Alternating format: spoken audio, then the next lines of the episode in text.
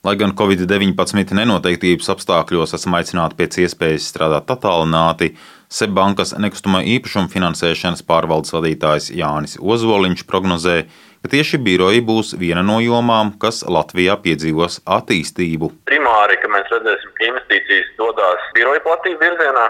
Jo, ja mēs skatāmies uz uh, Baltijas uh, galvaspilsētām, tad nu, Tallina, Viļņa, Rīga un uh, es domāju, kurš, kurš ir braucis cauri Tallinai un Viļņai, jūt, ka Rīgā pie mums tas biroja tirgus ir bijis teiksim, mazāk attīstīts nekā tajās pilsētās. Un, es domāju, ka ir īstais laiks, lai mēs pierautu to līmeni klāt.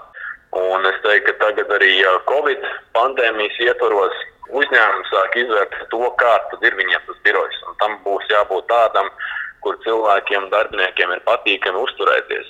Birojas noteikti būs nepieciešams, tikai es domāju, ka mainīsies tas veids, kā mēs viņā strādājam. Jānis Ozoliņš teica, ka daudz projektu jau pašlaik ir tuvu būvētļauju saņemšanai, bet daļa gan tā arī palikšot saprojektēti papīros, jo pastiprināsies konkurence par nomniekiem.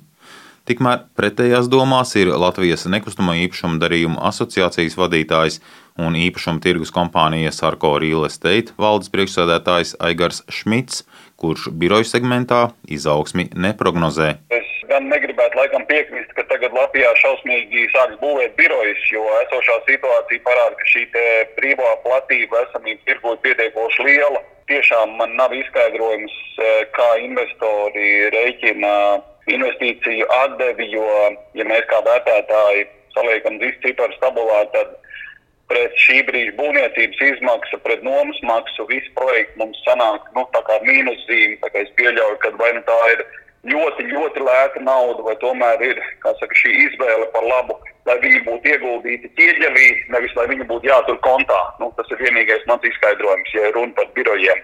Savukārt jaunas dzīvojamās platības gan tirgū turpināšot parādīties, vērtēja Gars Šmits, jo dzīvokļi ir pieprasīti, Rīgā arī bankas dod kredītus, turklāt pašlaik esam visai tālu no nozares bieda - cenu burbuļa. Sērija veida dzīvokļu kvadrātmetra cena ir virs 800 eiro, kas ir divreiz mazāk nekā treknojos gados un pat nesasniedzot būvniecības izmaksas.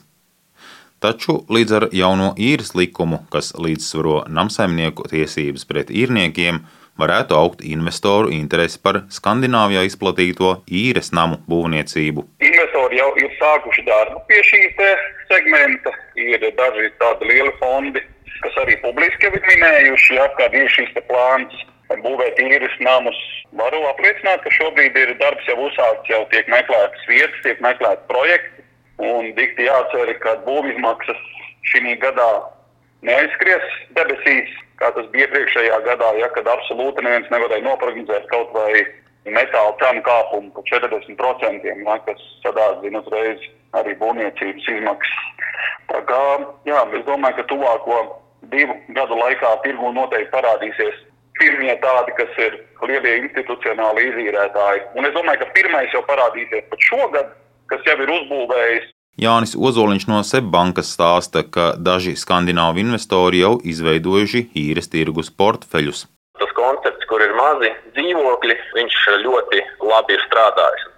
Apdrošināšanas kompānija BTA iegādājusies īres dzīvokļu portfeli. Tas vienkārši apliecina arī to veidu, ka investori, apdrošinātāji redz to kā labu alternatīvu ieguldīt uh, īres dzīvokļos, uh, nevis finanšu instrumentos. Jo, teiksim, tie paši īres dzīvokļi, spēj nodrošināt adekvātu ienesīgumu, un, es teiktu, riska ziņā ir ar salīdzinoši zemu risku. Tā kā es domāju, ka tur noteikti šis segments kļūs aktuālāks. Lai gan dažos īpašuma segmentos jautājumu pat labāk ir vairāk nekā atbildžu, ārvalstu investori uz Latvijas tirgu skatās ļoti ieinteresēti.